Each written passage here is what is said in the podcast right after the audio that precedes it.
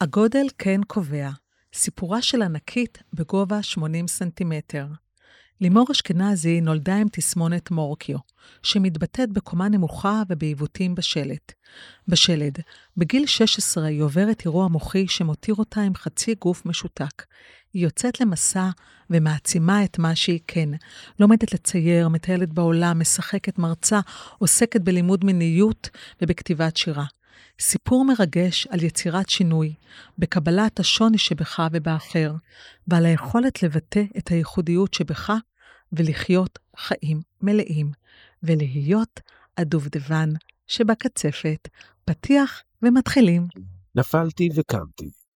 דגת הזהב מארחת, על משברים, תקווה והגשמת חלומות.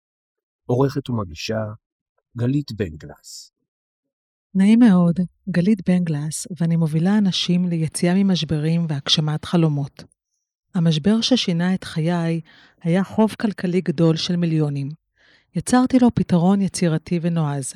הגשמתי חלומות לבעלי החוב בתמורה לקיזוז החוב. בתום מסע של תשעה חודשים סגרתי את כל החובות. בשנים האחרונות אני מרצה על הסיפור שלי, יוצרת סרטי הגשמת חלום ומלווה אנשים להגשמה האישית שלהם, על ידי אומץ, יצירתיות ויצירת חיבורים, או בשפה שלי, דגי זהב. תוכנית הרדיו והפודקאסט נפלתי וקמתי נולדה כדי לתת תקווה למי שנמצא כרגע במשבר ומתבייש לצעוק הצילו. תקווה היא נקודת ההתחלה לשינוי גם עבורכם. בן אדם, עלה למעלה עלה, עלה למעלה עלה בן אדם, עלה למעלה עלה. לימור, אה, מרגש אה, וכיף אה, לארח אותך, כיף שהגעת. תודה שהזמנת אותי. אנחנו גם מקיימות את הראיון ככה ממש באינטימיות, שתהיי ממש פנים מול פנים שלי קצת אחר מתמיד. מתי הרגע שאת מגלה שאת ילדה קצת אחרת? למעשה בסביבות גיל 11. מה היה גיל... בגיל 11? כן. בסביבות גיל 11 שמתי לב שאני שונה. מילדים אחרים. היה לי תמיכה לגב, מכשיר. וכשהייתי מגיעה לכיתה, אז הילדים היו אומרים, הנה גבינה צהובה הגיעה. למה גבינה צהובה? כיוון שהמכשיר, החלק התחתון שמחזיק את האגן, היה בצבע צהוב עם חורים. רגע, ההורים שלך עד גיל 11 לא מבינים שבעצם הילדה שלהם שונה ואחרת? אה, למעשה... לא מבחינים אותך כננסית לפני כן? רק בסביבות גיל 3 או 4 גילו. גילו. הצליחו לאבחן שיש לי את התסמונת מורקיו. ואיך הם מתקשרים לך את זה? אה, היא בעצם גנטית. זו תסמונת שהיא גנטית, שעוברת בתורשה. אבל איך ההורים שלך מבשרים לך? אה, אז זהו, אז... אה, שאת אחרת מכולם. לאבא שלי היה מאוד קשה. אבא שלי, זכרונו לברכה, היה לו מאוד קשה לקבל את ה... לקבל אותי. למעשה, הוא מאוד האשים את עצמו, והוא התבייש. הוא התבייש. ו... ואימא שלך? אימא שלי קיבלה אותי. קיבלה. וזה יצר לא מעט אה, חיכוכים. ביניהם? בין ההורים שלי, כן. על מה החיכוכים? אה, אבא שלי היה משתדל להגיע בשעות מאוחרות הביתה, כמה שפחות לראות אותי, ותמיד אה, הוא היה עושה השוואות כביכול ביני לבין אחותי ואחי. שאחותך ואחיך הם קטנים יותר, והם, כן. והם גדולים יותר. זה אומר שההורים שלך בחרו להביא עוד ילדים. זהו, שרק אה, מה שקורה שאימא שלי לא ידע. כשהיא ילדה את אחותי ואת אחי, יש בינינו הפרשים של שנה, שנה, שנה. אה, ובזמן שהיא ילדה, כן. לא, היא לא ידעה שיש את התסמונת הזאת כן, עדיין. רק בסביבות גיל שלוש או ארבע, אחרי המון בדיקות שעשו לי, הצליחו לאבחן שיש לי מורקיו. עכשיו, את מדברת על מה ההורים הרגישו, ואני שואלת, מה את הרגשת כילדה, שאת מרגישה שאבא שלה מתבייש בה, ויש חיכוכים בין ההורים? מה זה עושה לילדה בת שלוש, ארבע, חמש? אמ, האמת שאני פחות הייתי מודעת לזה. זאת אומרת, רק בשלב מאוחר יותר, אה, הייתה לי יותר מודעות לזה. אז מה הרגע שבו את מרגישה? כש... שמשהו שונה? זהו, אז אני התחלתי לשאול את עצמי שאלות. התחלתי לשאול את עצמי שאלות, אה, בסביבות גיל 11-12, למה בעצם אני שונה מילדים אחרים? איך, אני רוצה להבין רגע את הסוגיה של הזמן. גיל 11-12 זה גיל מאוד אה, גדול כבר. יש כיתה א', ו- כאילו, כאילו זהו. מה הגובה שלך בגילאים האלה? עדיין בגובה שלך היום, ב-80 סנטימטר? לא, לא, פחות. פחות גם. ועדיין בפחות את עדיין הרבה יותר קטנה מאחרים בצורה כן, משמעותית. נכון, נכון. ילדים מציקים? אה, בבית ספר, אה, יחסית הייתי מאוד דעתנית, ותמיד אמרתי, אל תדברו אליי כמו ילדה, אני לא ילדה. והמורה שלי בכיתה א' אמרה לי, את, לכל דבר היה לך תשובה. ואת, אה, עוד שהיית קטנה, את אמרת, אני רוצה להיות שחקנית, כשאני אהיה גדולה. והאמת היא שאין לי זיכרונות כל כך מוקדמים. הזיכרונות שלי זה יותר מגילאי 11 ומעלה. ומה הזיכרון מגיל 11? אה, אז זהו, שאמרתי לאמא שלי, אמא, גמרנו עם המכשיר הזה, תורידי לי אותו. אני זוכרת את המכשיר הזה, אני זוכרת שהייתה לי ילדה בכיתה עם המכשיר הזה, ואני זוכרת ש... שהציקו לה, אני ממש זוכרת את המכשיר הזה גם. אז זהו, אז אני אמרתי לאמא שלי, אמא, די, אני רוצה להתפתח טבעי, לא רוצה יותר את המכשיר הזה. ואז הבנתי ש... את יודעת, חברות שלי באיזשהו שלב תמיד חלמו על אה, שמלת החתונה שלהם וכל זה, ואני, עניינו אותי בכלל דברים אחרים. מה עניין אותך? אני הבנתי שיש לי איזושהי משמעות. אני גדלתי בבית ספר אה, דתי, והבנתי שיש סיבה למה באתי לעולם הזה. מה הסיבה שהבנת בגיל צעיר? הבנתי שיש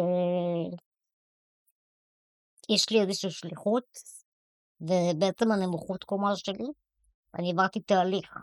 כמו שאמרת, עברתי אירוע מוחי. אנחנו לא מעט נגיע לאירוע המוחי, דווקא מעניין אותי להבין את התובנות שלך כילדה, שמבינה שיש לה שליחות בגיל מאוד מאוד צעיר, שהרבה מאוד אנשים בגילי 40, 50 ו-60 לא מבינים את המושג הזה עדיין. כן. ועדיין את מבינה את זה באינטליגנציה רגשית מאוד מאוד גבוהה בגיל מאוד מאוד צעיר. איך זה קורה? אבל אה, את יודעת, זה תהליך זה תהליך, ברור. כי ילדים בגינה אה, שלא היו מכירים אותי, לא החברים שלי מהגרעין הקרוב, אז אה, הייתי יושבת בגינה, הייתי הולכת.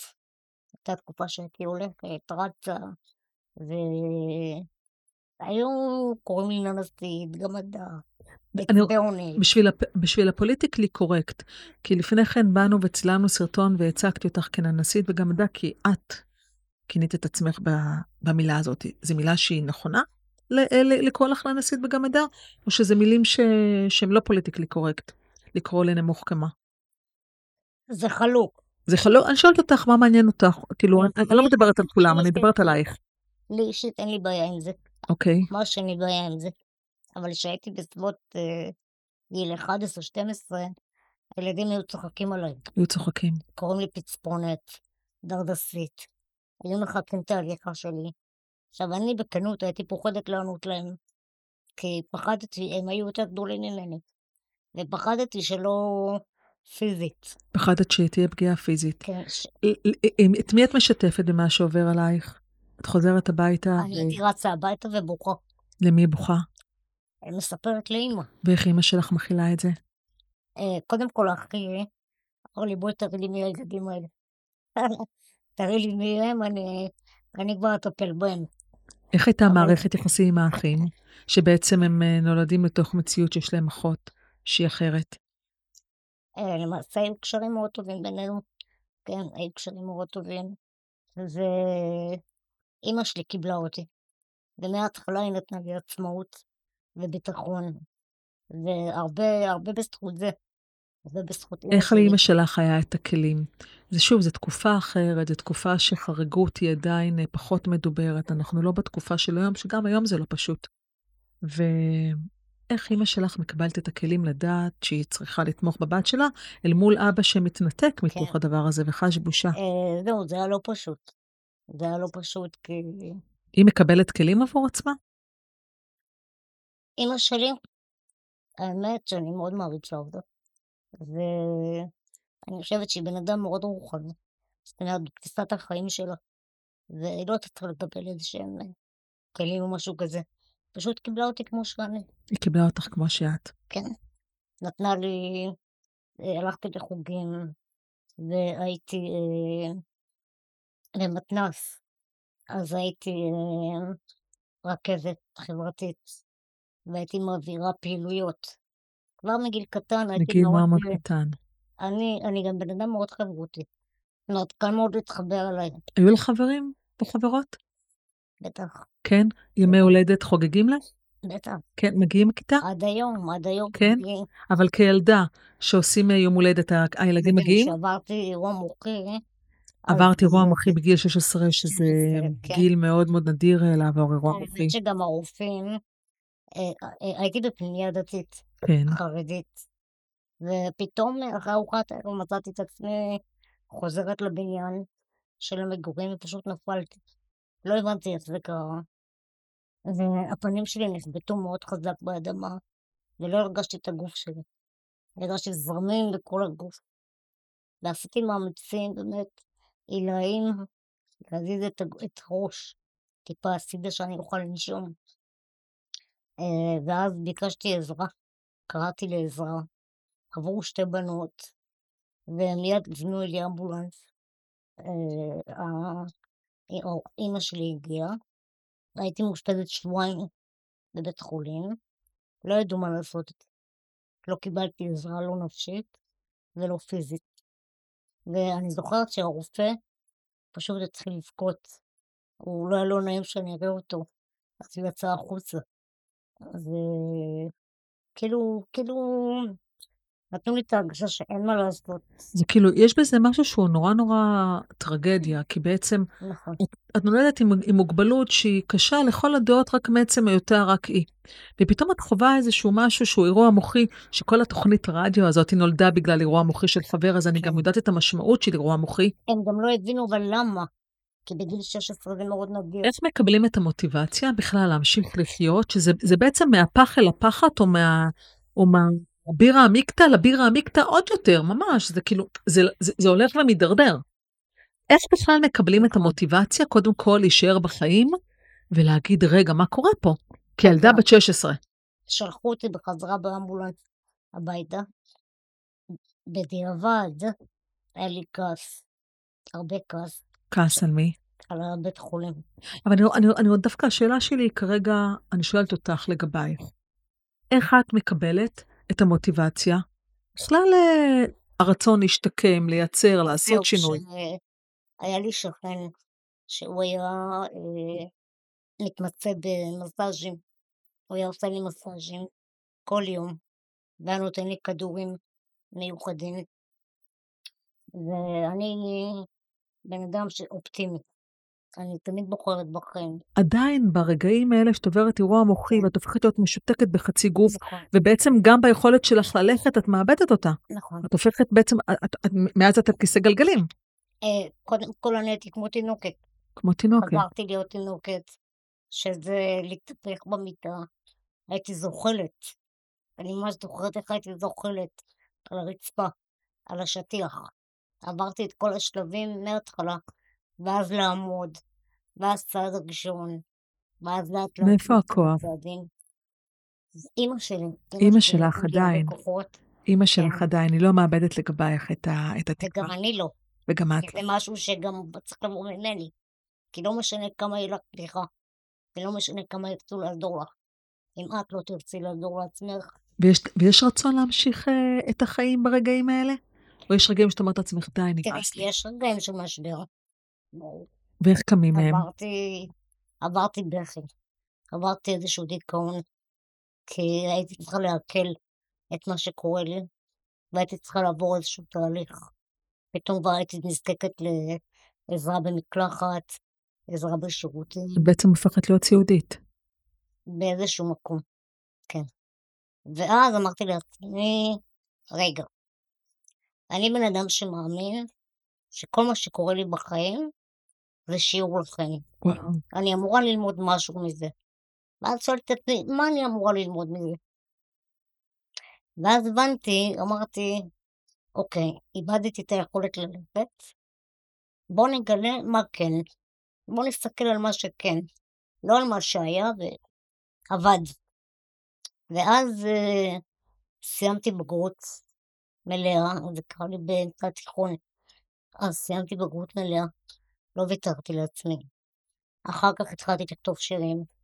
מדהים, אז את בעצם מסתכלת על חצי כוס המלאה כן. כל הזמן, ולא מוותרת לעצמך, לא, ונחושה. אני, אני, אני כן, כן נתתי לעצמי להיות במשבר. אפשרת לעצמך, אבל יודעת שאת גם קמה. ממש נפלתי וקמתי קלאסי. בדיוק, יש אהבה ראשונה שאת זוכרת כילדה? בטח. מה? אני יכולה לספר שבגיל 19 כן, עשיתי שייט. כן. הפלגתי עם אחותי ליוון וטורקיה. ובערב הכרתי איזשהו בחור, בחור גבוה, ללא מוגבלות.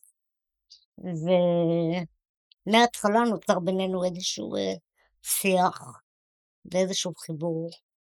ואני זוכרת שבבוקר הוא היה מחכה לי, הייתי מגיעה, הוא היה אומר לי בואי, לשבת איתו בשולחן, הוא הגיע עם תוק חברים, והוא היה מאכיל אותי. הוא היה לוקח את הפרוצת לחם, מורח לי את הגבינה. אחר כך היינו מטיילים ביחד. ובזמנו לא הכרתי את עולם הנכים. לא הכרתי אביזרים של נכים, ונסעתי עם טיולון. טיולון של ילדים. כן, אוקיי. כן. ואז אה, הוא לא התבייש. הוא היה מוביל אותי עם הטיולון. ואני זוכרת שיום אחד אה, באוטובוס היינו בדרכנו לאתונה. ואז לא היה מקום לשבת. אז הוא הרים אותי על הידיים. ואני כזה חיבקתי אותו. היה לו אורח מדהים. ובאותו רגע ידעתי שהתאהבתי בו. איך מתמודדים עם אהבה? יש, אה, יש את הפחד שזה לא יהיה הדדי, יש את הפחד שהלב יישבר. אז אני לא שיתפתי אותו. לא שיתפת אותו. 19 שנים. לא לא שיתפת. שיתפתי אותו. Uh, כבר באותו ערב הוא התקשר אליי, לימור, איך הגעתם הביתה, הכל בסדר. ובזמנו הוא היה נהג אוטובוס. היה בינינו 13 שנה הבדל, גד... הוא גדול ממך. כן? הוא היה גרוש עם ילדים. וכל פעם בהפסקה, כשהוא היה מגיע לתל אביב, הוא היה מתקשר אליי. ויום אחד הוא הזמין אותי אליו לשבת. את מדברת איתי הרבה מאוד שנים אחרי. אה, אנחנו עד היום בקשר. אוקיי, הוא מזמין אותך אליו, ו... והוא לוקח אותי למועדון, כן. ואז אנחנו רוקדים ביחד. ומה שאהבתי בו, שהוא לא התבייש בי. המילה התבייש זה משהו שהיית רגילה שאנשים סביבך מתביישים בך? אבא שלי התבייש בי. אבא שלך. שזה הדבר שהוא הכי, אה, את יודעת, בא מבית. איך המשמעות של הבושה באה בא לידי ביטוי עם אבא שלך? דיברת על העניין שבעצם הוא היה מגיע בערב כדי uh, לא להתמודד. אירועים משפחתיים uh, לוקחים אותך? לאספות הורים הוא מגיע? לא. רק אימא. כן. אבא שלך כבר לא בחיים. היה לא רגע ש... בחיים. שעשיתם את הקלוז'ר אז זהו. ושהוא הלך אל... ב... כן, לעולמו, הוא הפסיק כבר להתבייש? זה מה שאני רוצה לספר, שבעצם כל שנה יש מפגש בארצות הברית של אה, נמוכי קומה, ואמרתי, אני לוקחת את אבא שלי לשם. לקחתי אותו אה, עם אחותי ועם חברה טובה שלי, זה היה בפורטלנד. וואו. ואז, קודם כל, איך שאני נכנסת למלון, זה מלון שמזכירים אותו רק לנו. רק לנמוכי קומה. כן, ולמשפחות. שלהם. כמה אנשים יש שם? אלפים. אלפים מדהים. שמגיעים מכל העולם. מה, זה כמו להיות בלונה פארק בעצם פתאום. זהו, אז עכשיו אני מגיעה. אני מודה שאני בעצמי הייתי בהלם. פעם ראשונה את רואה אה, כל כך הרבה כמוך. כן. איפה שאני מסתכלת, גמדים, גמדים, גמדים. גמדים. ומה עוד לדעתך היה שם? מה? תני ניחוש. אני לא טובה בניחושים. שרפרפים. שרפרפים. היות והדלבקים אוקיי. גבוהים. אז איפה שכל מקום היו גמדים, את רואה גם מלא שרפרפים. בכניסה למעלית, שרפרף. כי לא מגיעים לכפתורים. זאת אומרת, יש מחשבה על הפרטים הקטנים, על מה כל אחד בעצם צריך.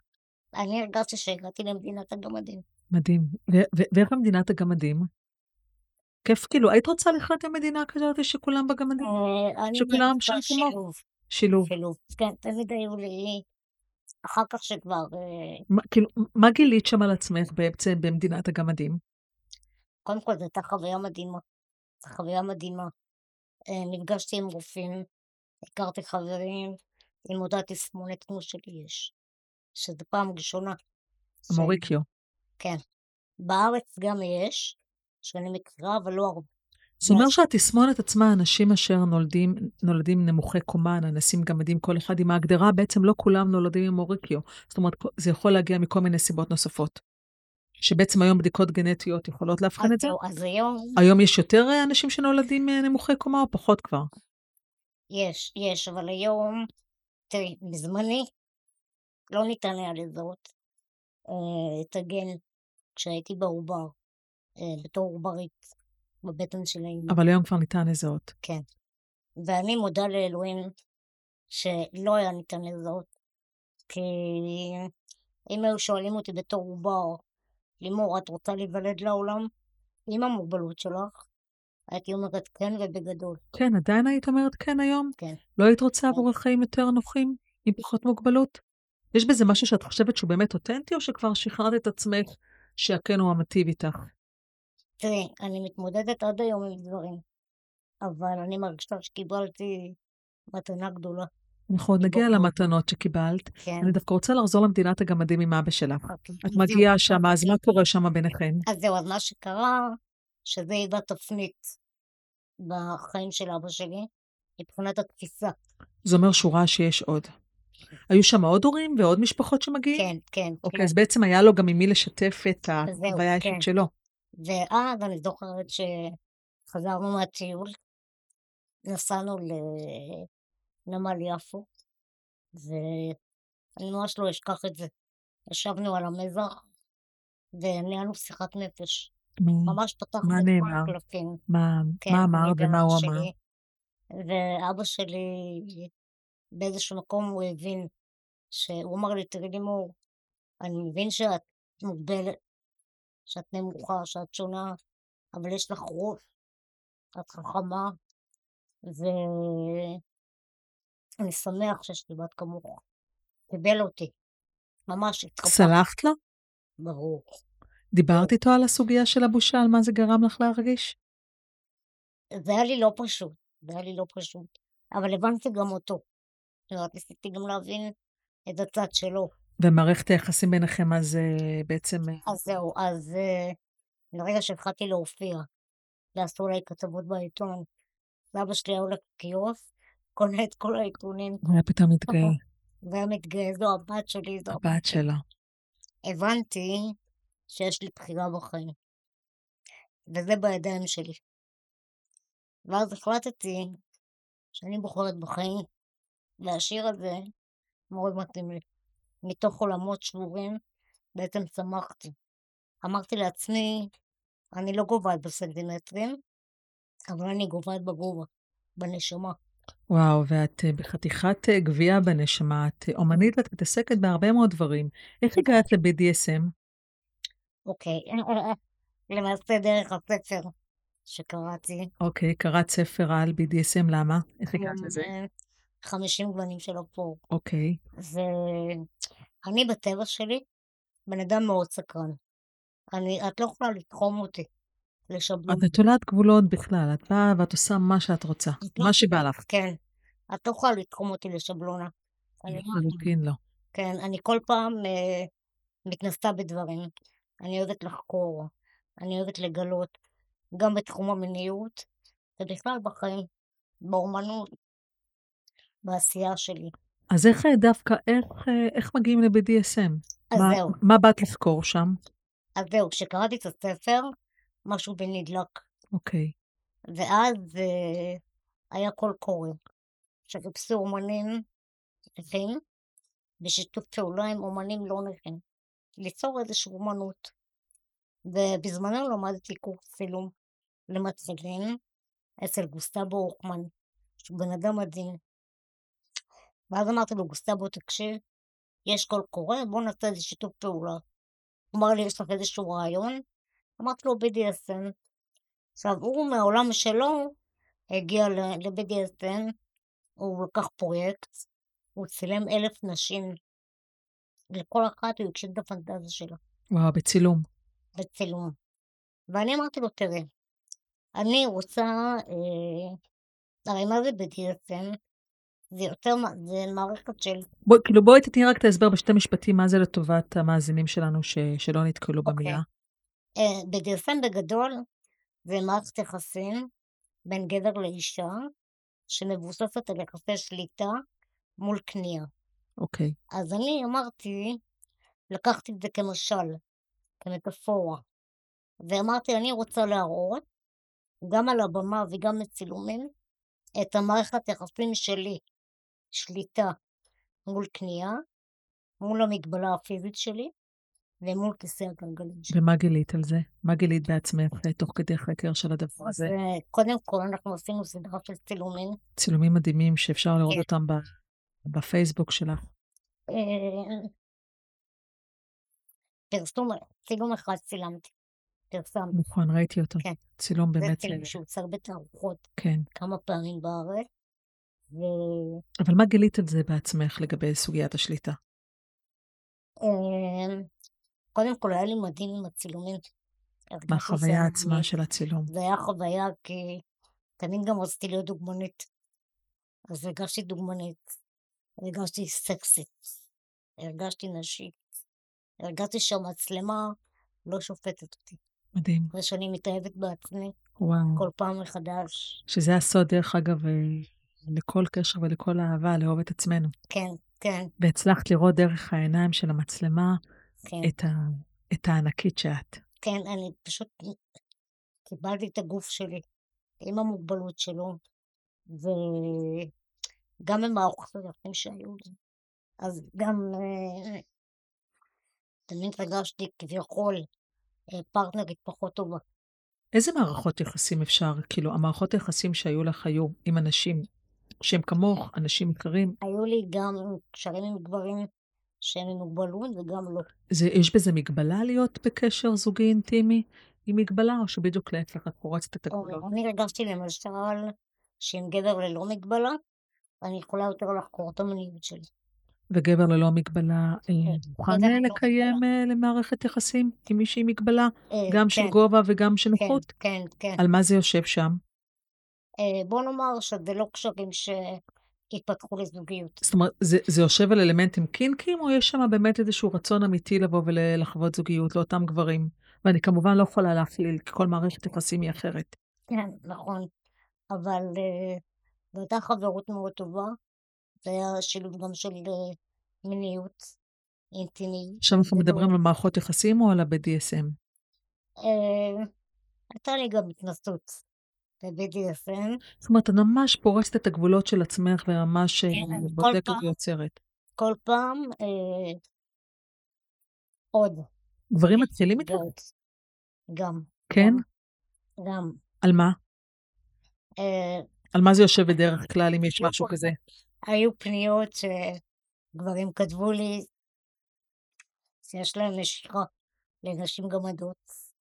והיה איזשהו גבר שבעקבות הארוחה ראיינו אותי גם, עשו לי כתבה בעיתון, והיום אחד אני מקבלת הודעה מאיזשהו גבר, כותב לי, וואו, תקשיבי, אני, יש לי פנטזיה להיות עבד לאישה מלכה שהיא נמוכת קומה, שתשלוט בי. רק תגידי לי כל מה שאת רוצה, אני כבר על ארבע, אז מה עשית? שורותך. אז מה עשית? כתבתי לו שהצילומים היו לצורכי אה, אומנות בלבד. וואו, מדהים איך את שומרת על הגבולות של עצמך. כן, אני... אני יודעת מתי לתת לעצמי לפרוץ, ומתי להגיד לא. וואו, יש לך את הגבול הידיעה במה נכון ומה לא נכון, כן. שזה מדהים. אני... מה גילית בכלל על מיניות עבור עצמך? אז זהו, שעם גבר שלא מוגבל, כן. אז גיליתי יותר את ה... ואני יכולה להגיע יותר, להפיק יותר הנאה מהמיניות. לגבר שלא מוגבל. גבר שלא מוגבל כי הוא בעצם עזר לי פיזית ודברים שאני לא יכולתי לממש בעצמי. את רואה את עצמך מקיימת מערכת יחסים ארוכת טווח עם גבר שאינו מוגבל? אה, היום אני לא רוצה מערכת יחסים. את לא רוצה, אני לא למה? רוצה זוגיות. למה לא? לא, בשלב זה לא. בשלב זה לא. אני חושבת שהלב שלי גם נשבר. הלב שלך כמה והיום אני די עסוקה בדברים אחרים. אוקיי, אבל את יודעת, אה, כמי שגם הלב שלה נשבר בחיים לא מעט פעמים, הדרך היחידה לא, תראי, אם... לאהוב מחדש זה לשים את הלב ברור, כמו שהוא על. ה... ככה על השולחן, אם- ולתת לו לאהוב שוב ושוב ושוב עד שהנכון יגיע. אם החיים יזמנו לי, כן, אני כן אתן הזדמנות. אבל אני באופן יזום, באופן לא, יזום. לא מחפשת. לא. הלב פתוח היום? אמ, פתוח, אבל עוד פעם, זה צריך להיות עם הבן אדם הנכון. כל, כל אחת צריכה את הנכונה וכל, וכל אחד צריך את הנכונה לו. אני רק רוצה לחזור לבחור שהתאהבתי בו, כן, שרק אחרי 19 שנה היה לי את האומץ לספר לו שבאותו שייט התאהבתי בו. וואו. כי באותו זמן פחדתי שאני אאבד את הידידות איתו, אם, אם הוא ידע על הרגשות שלי. ואני זוכרת שהוא הזמין אותי לבריכה, ואז הוא פשוט הסתכל עליי. הוא נתן לי חיבור גדול, ונתן לי נשיקה, והייתה לי הרגשה שהוא ידע מזה. הוא ידע מזה. דרך אגב, בכלל רגשות אה, ולומר אני אוהב, כל כך הרבה אנשים מפחדים לבוא ולומר את זה מהפחד בעיקר של התחייה. ואני חושבת שתחושת הפספוס בזה שאנחנו בכלל לא מביעים רגשות, כן. היא הרבה יותר אה, חמורה מהתחייה, ותמיד לפתוח את הלב, במקרה הכי טוב זה יכול להיות הדדי. כן. היום למשל אין לי כן. בעיה.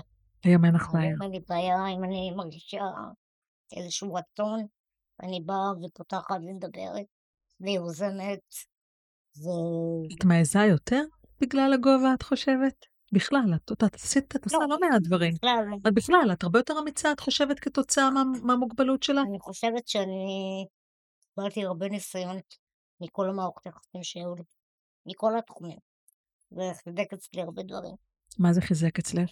יותר את הביטחון העצמי, יותר את הנשיות שבי.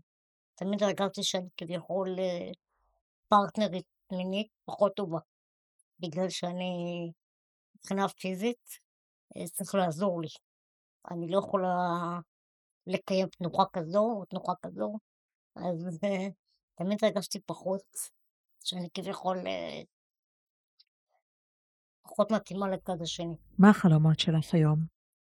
אז היום אני בקרוב מאוד יוצא ספר, ספר לילדים שכתבתי, וואו.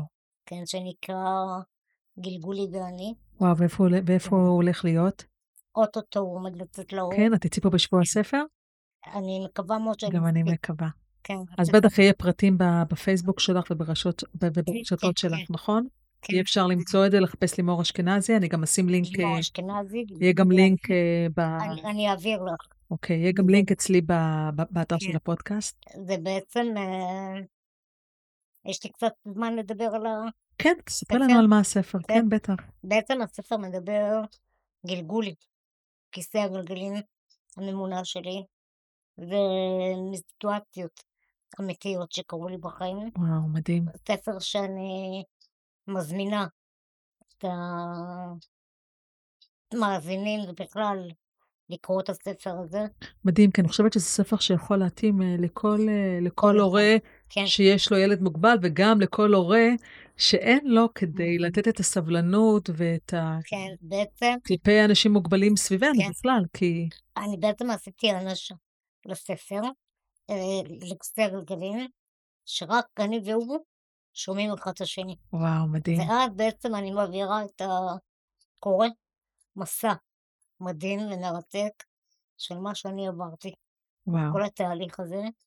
וכיום יש לי, אני כבר לא מרגישה שולטת או כאילו בכניעה, היום יש לי יחסים אה, כמו זוגיות, זוגיות עם דבר. עצמך. עם המגבלות שלי ועם כיסא הגלגלים זאת שלי. אומרת, הגעת לאהבה ו- וקבלה מדהימה כן, שלך את כן, עצמך כן, כן. מהמקום כן. הזה. היום כשאת מסתכלת במראה, מה את רואה? קודם כל, כל בוקר שאני קמה, אני מסתכלת במראה ואני מחייכת לעצמי. ואני אומרת לעצמי, לימור, אני אוהבת אותך. והיום יש לך יום נפלא. שתמיד תהיה אחת כזו את החלומות שלה. תמיד. מדהים. מגיל מאוד מאוד קטן. כן, תמיד. אמא שלי אמרה לי, לימור, יש לך מוטיבציה, ואת עקשנית. כשאת רוצה משהו, אין, דבר לא יעזור. את מרצה היום הרבה מאוד לילדים ולנוער בכלל. איזה שאלות ומה, ומה הם אומרים לך בסוף ההרצאה? אז זהו, אני זוכרת, אני, היום- אני בעיקר ליסודי. הרציתי גם לתיכון וחטיבה. אבל יסודי, מה? אומרים לך הילדים שם? בכנות, אני מעדיפה פחות להתעסק איתם. אני מעדיפה גם. אני לא, כי הם גיל הרבה יותר מפחיד. יש לי טינג'רים בבית, זה באמת מאיים. אני מעדיפה. מה, הם. אומרים לך, הילדים? אז זהו, למשל, אני תמיד בסוף ההרצאה שואלת אותם, מה אתם לוקחים מהמפגש?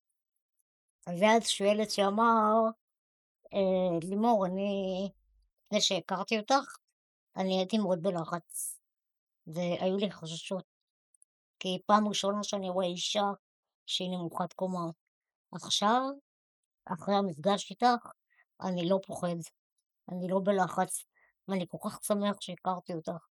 והייתה ילדה שאמרה לי, לימור, אני למדתי ממך שגם אם את עם מכשירי שמיעה, וגם אם את נמוכת קומה, וגם אם את בכיסא גלגלים, את יכולה לעשות דברים כמו שאנחנו יכולים לעשות, ואפילו טוב יותר.